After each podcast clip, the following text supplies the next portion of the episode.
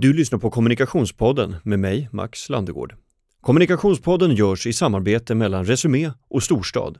Storstad är en storytellingbyrå som specialiserar sig på ljudberättelser i premiumformat. I Kommunikationspodden bjuder jag in människor som jag vill veta mer om. Och podden är till för dig som vill bli lite smartare vid middagsbordet.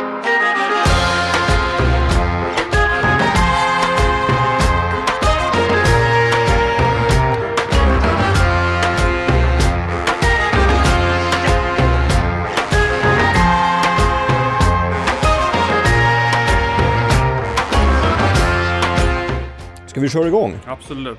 Claes de Fer, välkommen till Kommunikationspodden. Tack så hemskt mycket, roligt att få vara här. Kul att du tar dig tid att komma. Jag förstår att du är upptagen, du sitter och smsar här när vi... Ja, det, förlåt, det syns ju inte. och, men... du har, och du har eh, typ tre missade samtal för Ja. att du gick in i studion. Eh, men det är verkligen inte så Fullt farligt. upp. Eller? Ja, nej men det, ja, det finns att göra, men det finns de som har det värre. Ja. Uppväxt i Motala, när flyttade du till Stockholm? Jag flyttade till Stockholm kanske när jag var 21. Ja, okej. Jag, jag, t- jag tänkte bara sätta din karriär i ett åldersmässigt perspektiv. I, innan du inledde resan som chefredaktör för olika tidningar så hade Motala Tidning dig som receptionist redan när du var 17 år. Mm, stämmer, jag började jobba i receptionen på Motala Tidning när jag var eh, 17 och det började som en praktik. Jag gick på samhällsekonomiska programmet på gymnasiet och då Mm. hade man en praktikvecka och då fick jag Motala Tidning och då satt jag i receptionen och sen så utvidgades det där lite grann så jag satt eh, och jobbade där lite eh, till och från. Mm. Sen fick jag lära mig göra familjesidor. Dödsannonser, födelseannonser och sen så fick jag lära mig annonsförsäljning. Mm. Så jag lärde mig liksom tidningshuslogiken på Motala Tidning när jag var relativt eh, ung. Ja, jag, jag tänker under samma tid som jag föreställer mig att andra i samma ålder var i full färd med att utforska sig själva, andra, droger, resor, Mm. sådana saker. Hur, hur, eh, hur var du som barn? Nej men, eh, ja som barn, hur var jag som barn? Idealisk antagligen.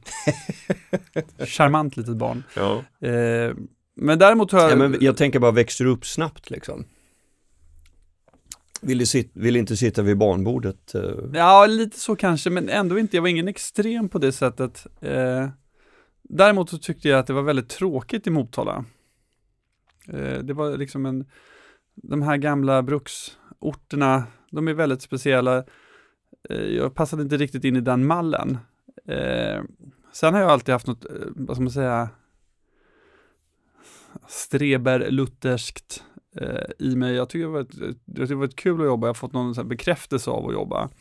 Jag var lat fram till att jag eh, gick i trean på gymnasiet och sen lyckades jag på något sätt programmera om mitt belöningssystem. Så då blev jag istället eh, väldigt, väldigt effektiv och Ja. eh, har tyckt det var väldigt kul att jobba.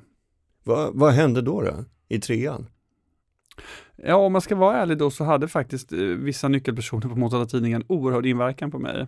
Det jag såg att, eh, eh, ja men, eh, jag, i den åldern så söker man ju förebilder som man kan titta på och tänka sig, jag kan också reagera på det här sättet. Och det funkade, alltså, delar av det reaktionsmönstret som ledde till liksom, så här, liksom arbetslust funkade väldigt bra på mig. Jag Mm. liksom hittade hem på något sätt och kände att jag stämmer överens med vem jag är och den jag vill vara. Mm. Vil- vil- vilka var de? Kan du minnas dem? Eller var det mer Absolut, en Nej, men det är egentligen bara en eller? som heter Gagga Andersson som var biträdande annonschef, eh, otroligt duktig person som bara hade, du vet, den, det fönster man har ibland i livet där man är påverkbar, så påverkar han mig väldigt mycket på ett väldigt positivt sätt. Ja, det är väl också en, en ålder, jag kan bara se på mig själv då, men det är ju en Mm. ålder då man kanske söker andra förebilder utanför hemmet. Ja, Men fortfarande förebilder icke desto mindre. Som man, som man är i behov av att liksom försöka spegla sig mot. Mm. Jaha, så att, eh, ja för jag menar, det eh, det är ju inte tu tal om att du har varit, sen dess då, otroligt produktiv. Mm. Eh, så från, från att du var 17 då i Motala eh, till att du var 21, det, då, då odlade du liksom intresse och kunnande på Motala Tidning innan du flyttade eller? ja, det kan man säga. Fast jag gjorde, alltså, ja. I den, det åldersspannet så gjorde jag också lumpen och jag, jag ja. Så lä, jag läste någon A-kurs någonstans.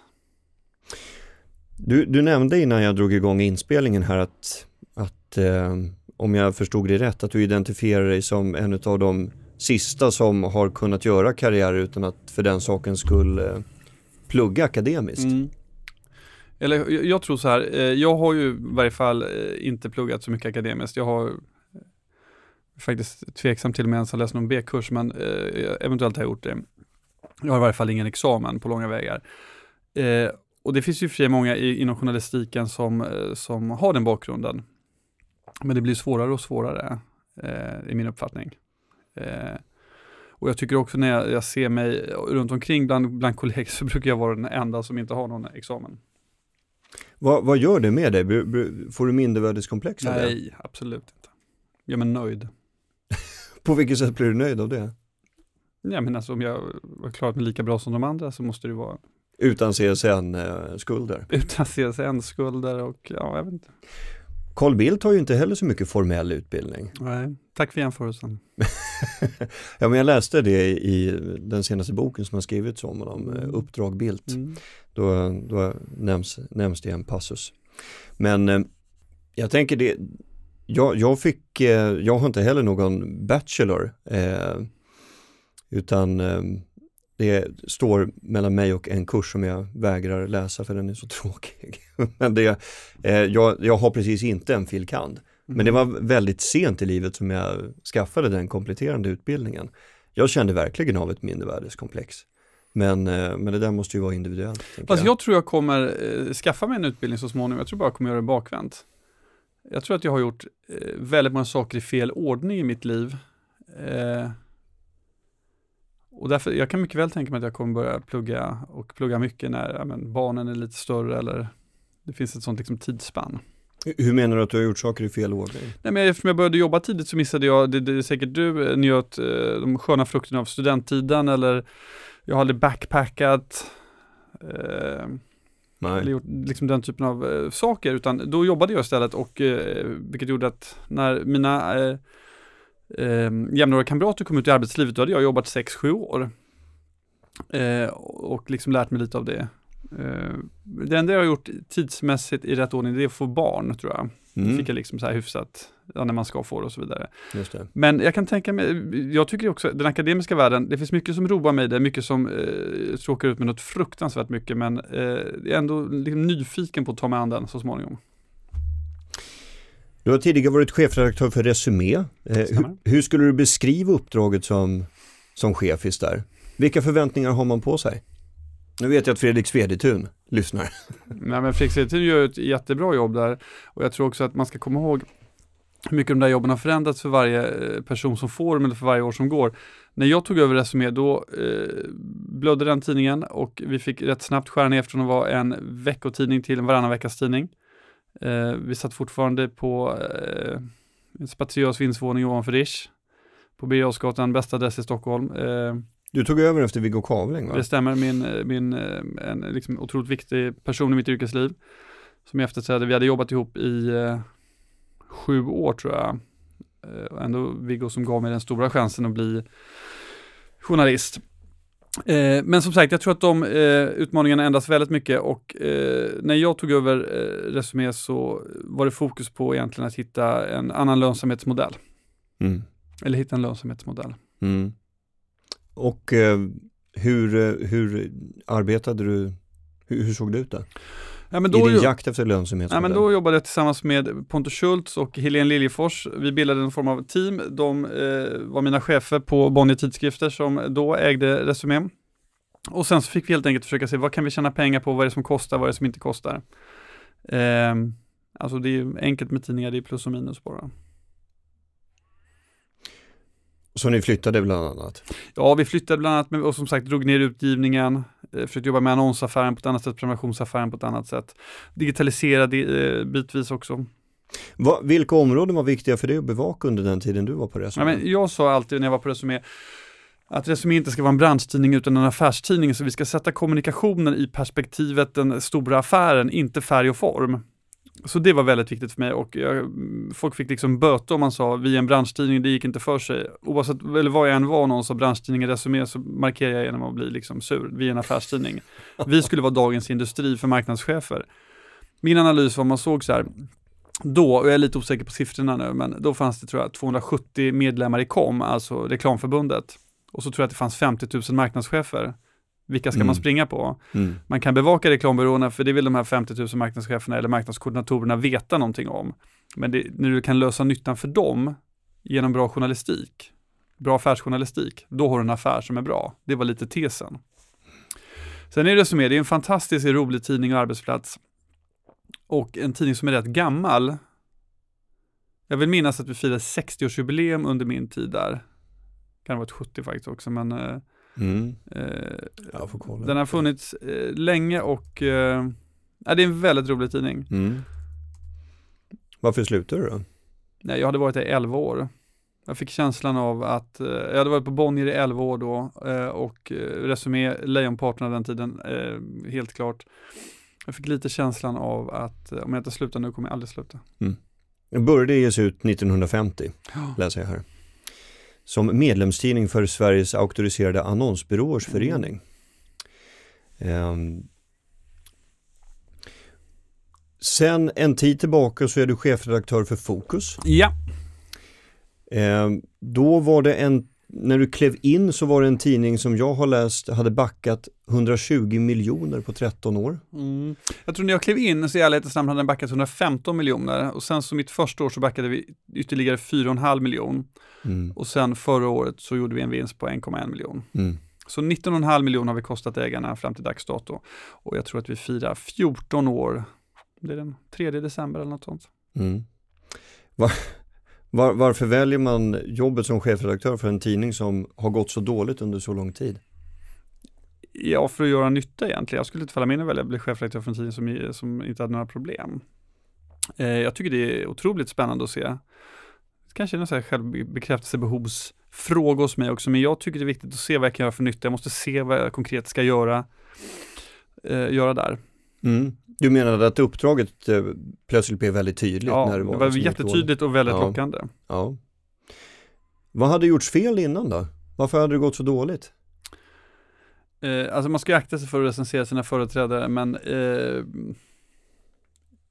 jag är väldigt bra på att ta betalt. Och jag tror att man hade haft lite för dålig självkänsla i att ta betalt. Jag tror man också hade, man, man, kanske hade blivit lite för dyrt. Mm. Det här med prissättning, Mm. vad, var i ligger ett bristande självförtroende om du skulle liksom göra en generell koll ut bland branschkollegor? Jag tycker så här, Ja, väldigt många när det gäller prissättning, de utgår från sina egna kostnader och lägger på en vinstmarginal. Jag utgår alltid på vilken nytta är det vi skapar för någon. Och där sätter jag ett pris. mm. Och sen så kan jag argumentera för det priset. Om den nyttan vi levererar håller, då håller den modellen. Om inte den nyttan håller, ja, då får vi i så fall revidera den, men hittills har det funkat. Har du kommit på det själv eller är det här någonting Motala Tidning har eh, hamrat in? Nej, det är inte mot alla tidning, men eh, jag tror man kan se saker och ting på, på olika sätt. Eh, Och jag vet faktiskt inte exakt vart jag har lärt mig det. Mm. Spännande. Vi, vilka prioriteringar hade du i början då? På När- Fokus? Ja, precis, när du kom till Det Fokus. viktigaste på Fokus när jag började, jag började som vd först och så blev jag chefredaktör efter några månader. Det viktigaste på Fokus var att säkerställa eh, arbetsmiljön. Så att de som var där, vi, vi satt i rätt dåliga lokaler och vi flyttade. Och sen så eh, listade jag och, eh, eller eh, ett, ett par utmaningar som vi var tvungna att klara av. Rätt snart blev vi av med vårt säljbolag och vi var tvungna att hitta eh, ett nytt fungerande sälj. Vi hade en ny digital plattform som skulle lanseras. Ja. Och sen så började jag i avtalspärmen och se vad saker kostade. Mm. Just det. Alltså en vanlig debit och kredit eh, check. Exakt. Liksom. Pengar in, pengar ut. Pengar in, pengar ut. Och vad, vad, vad hade kostat för mycket då? Vad, vad behövde du skära bort på? Ja, om man ska ärlig, om, om man ligger 115 miljoner back, då har allt kostat för mycket. Ja. Eh, egentligen. Och så gäller det att se vad som ska kosta mycket och vad som inte ska kosta mycket. Mm. Och vad, vad har du skärt ner på då? Eh, nej men, eh, dels har vi skurit ner på, eh, egentligen på alla kostnader och sen så har vi försökt öka intäkterna. Det är den magin om man kan få den till den som det blir riktigt bra. Och hur ser man till att säkra en god arbetsmiljö för medarbetarna under ett sånt, eh, kan man säga stålbad? Ja, det kan du delvis säga. Eh, framförallt... Eh, För parallellt måste ju folk må bra och verksamheten absolut. ska fortsätta liksom. Precis. Den här flytten var ju delvis ett led i den. Vi fick ändamålsenliga lokaler. Vi satt tidigare på, eh, Fokus hade suttit på, i en lägenhet på Wallingatan som hade en väldigt journalistisk, romantisk touch av hur en redaktion ska vara. Men eh, samtidigt eh, ingen vettig ventilation, eh, bara en person i taget kunde prata i telefon och så vidare. Mm. Eh, det är klart, de här jobben är ju inte enkla. Alltså det blir ju tuffare och tuffare att vara journalist. Det blir tuffare och tuffare att tjäna pengar på, på journalistik. Så är det ju. Det är, jätte, det är en jättehård verklighet vi står inför. Hela tiden. Mm. Men hur får man med sig de medarbetande journalisterna som ska du vet, vara klara i knoppen och med sunt förnuft eh, granska olika verksamheter och rapportera. Ja, men förhoppningsvis får man med dem på att de tycker den här resan är rolig, att de tycker det är en rolig arbetsplats att vara på. Och sen att de slipper ägna sig åt de saker jag ägnar mig åt, det vill säga de ska ägna sig åt eh, det de är intresserade av, passionen de känner. Mm. Medarbetarna på Fokus har ju, vad ska man säga, för att jobba där då krävs det att du har ett driv, kunskap och liksom driver framåt själv, att du har också en frihet i det. Eh, och sen så får jag grotta med det, de tråkiga förutsättningarna. Var, var, var får du din kickback ifrån då? Jag tänker att man måste ju, vad, vad kommer utdelningen? Vad får dig att må bra? Ja, men jag mår bra när jag känner att jag gör nytta, mm. när jag kommer framåt. Är du nöjd med resultatet då? Ni har ju gått eh, plus ekonomiskt men har ni förlorat annat på vägen?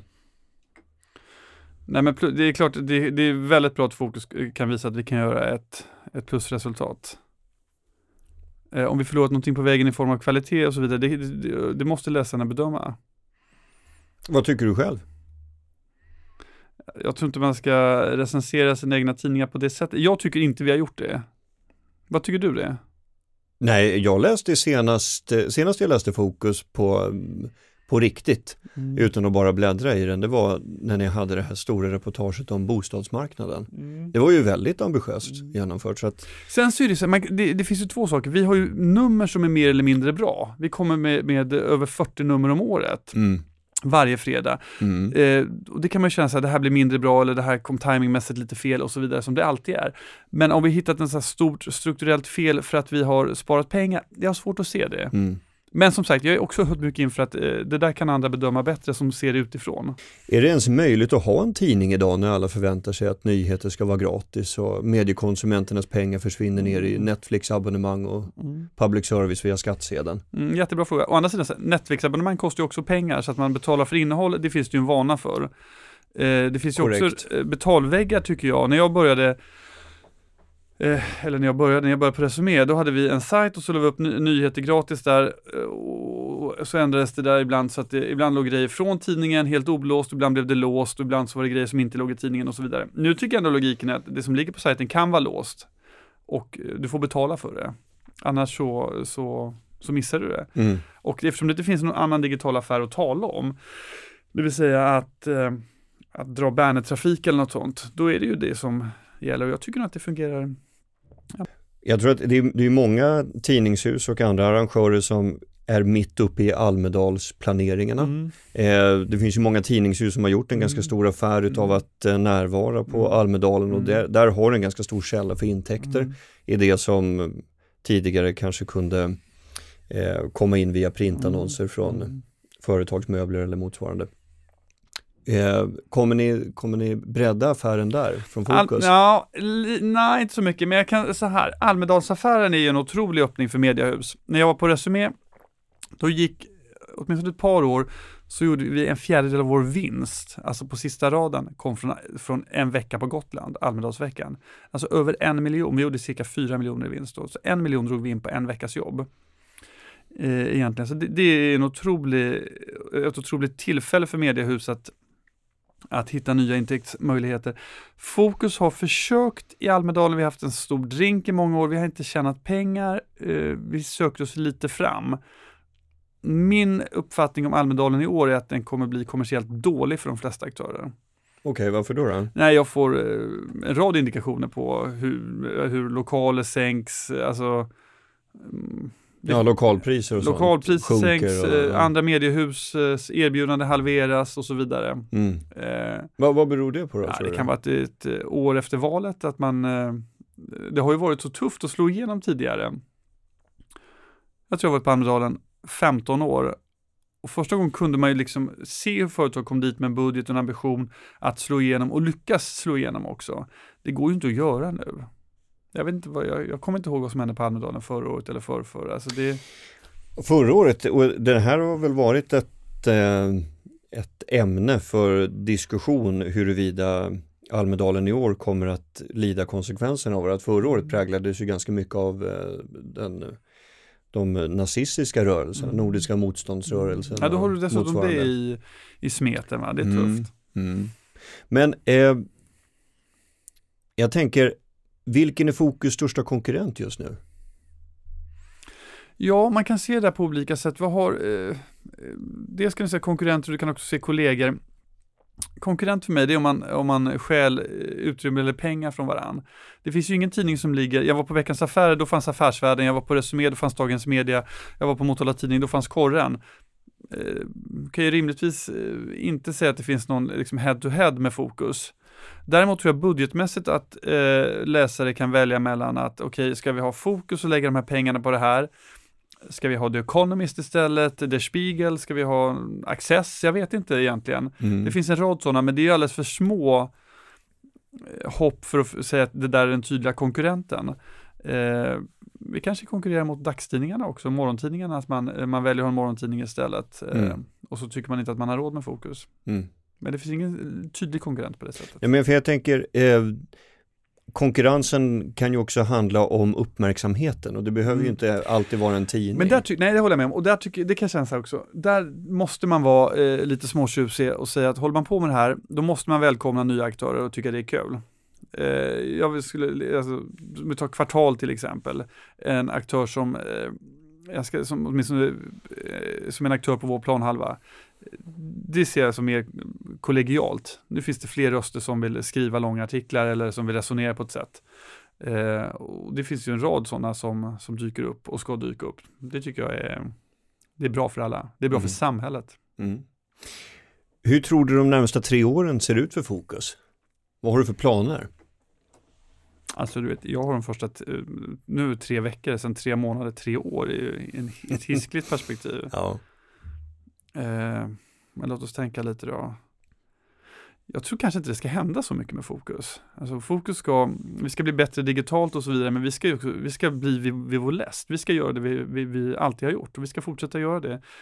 Vi ska göra det så bra som möjligt med så bra medarbetare som möjligt och få ett så bra resultat som möjligt. Journalistiskt resultat. Sen om vi kan göra en liten vinst så är det bra. Eh, vi behöver inte göra en miljonvinst, men kan vi göra en vinst så är det bra att vi kan mm. finansiera oss själva. Finns ett fri, en frihet i det också. Vi behöver inte be någon om pengar, eh, vilket jag tycker är viktigt. Eh, tidningar som går med vinst är fria. Idémässigt, var, var befinner ni er där på kartan över alla aktörer? Jag tänker, hur ser liksom löftet eller erbjudandet ut för de som ska läsa tidningen? Vårt, eh, jag brukar formulera vårt läsarlöfte som så att vi börjar där morgontidningarna slutar. Vi ska vara det extra kapitlet en dröm för mig kommersiellt är naturligtvis att folk ska känna så här, okej okay, jag läser Aftonbladet, jag läser om det, liksom, det går snabbt allting. Jag hinner inte läsa eh, morgontidningen eh, på morgonen fullt så mycket som jag skulle vilja. Då säger jag upp den prenumerationen och sen så har jag fokus som något form av nyhetsankare eh, en dag i veckan. Det finns ju många tidningar, The Economist nämnde du bland annat, som har dragit igång egna poddar. Mm. Är det någonting som Fokus kan se en affär i? Affär är jag tveksam till, men däremot är vi, vi är intresserade av poddar och funderar på hur vi ska göra det. Vi har ju samma kvalitetskrav på allt vi gör så att eh, det blir ett sånt konstigt begrepp tycker jag med poddar också. Så här, ska vi dra igång en podd? Ja, men vi måste ju ha något, det är som att säga, ska vi dra igång en tidning? Vi måste ju ha något mer, vad ska podden vara? Eh, klart vi skissar och pratar om det, men vi har inte någon sån här klockren, ja, så här ska det vara. Mm. Ja, det där kanske var en fråga formulerad från den, teknokrat, den svenska teknokratiska sidan av mig. ja, men det är möjligt, men... men... Jo, men att man, man är besatt av eh, format och inte ja, vad som så. ska sägas. Ja. Liksom. Um, Sen måste ju någon fylla det, alltså, hur länge har din podd funnits? Eh, kommunikationspodden har vi hållit på med i snart fem år. Och hur många avsnitt har du gjort då? Eh, du är avsnitt 80 någonting. Det svåra 80 någonting avsnittet alltså. ja, exakt. Ja men du Som vet ju också, det, det, det första är ren njutning att göra, det andra också. Tredje blir lite tufft, fjärde så liksom tappar man geisten på något sätt. Du ska ju hålla det där, du har ju varit jätteduktig, du har gjort 80 avsnitt. Men det kräver ju, när, när du lanserar en sån sak, framförallt från en plattform från Fokus, då måste du ha en idé som du inser kan hålla, som du kan hålla i. Mm. Så man kan parkera lite grann. Ja, du, ja eller framförallt du kan inte ge upp den. Mm. Du kan inte köra tre fokuspoddar och sen känna så här, nej vet ni, nu blir det lite, nu är det inte så kul den här veckan. Och då krävs det en liksom plan som verkligen sitter. Ja, Och det exakt. tycker jag man kan få perspektiv om vi har gett ut den här tidningen varje vecka, varje arbetsvecka eller om man nu ser det i snart 14 års tid. Alltså, mitt mål med, med tre år i så fall är att se till så att den här tidningen inte är sämre skick då än vad det var när jag tillträdde. Claes de Fer, chefredaktör och VD för eh, tidningen Fokus. Stort, stort tack för att du ville vara med i Kommunikationspodden. Tack för att jag fick komma.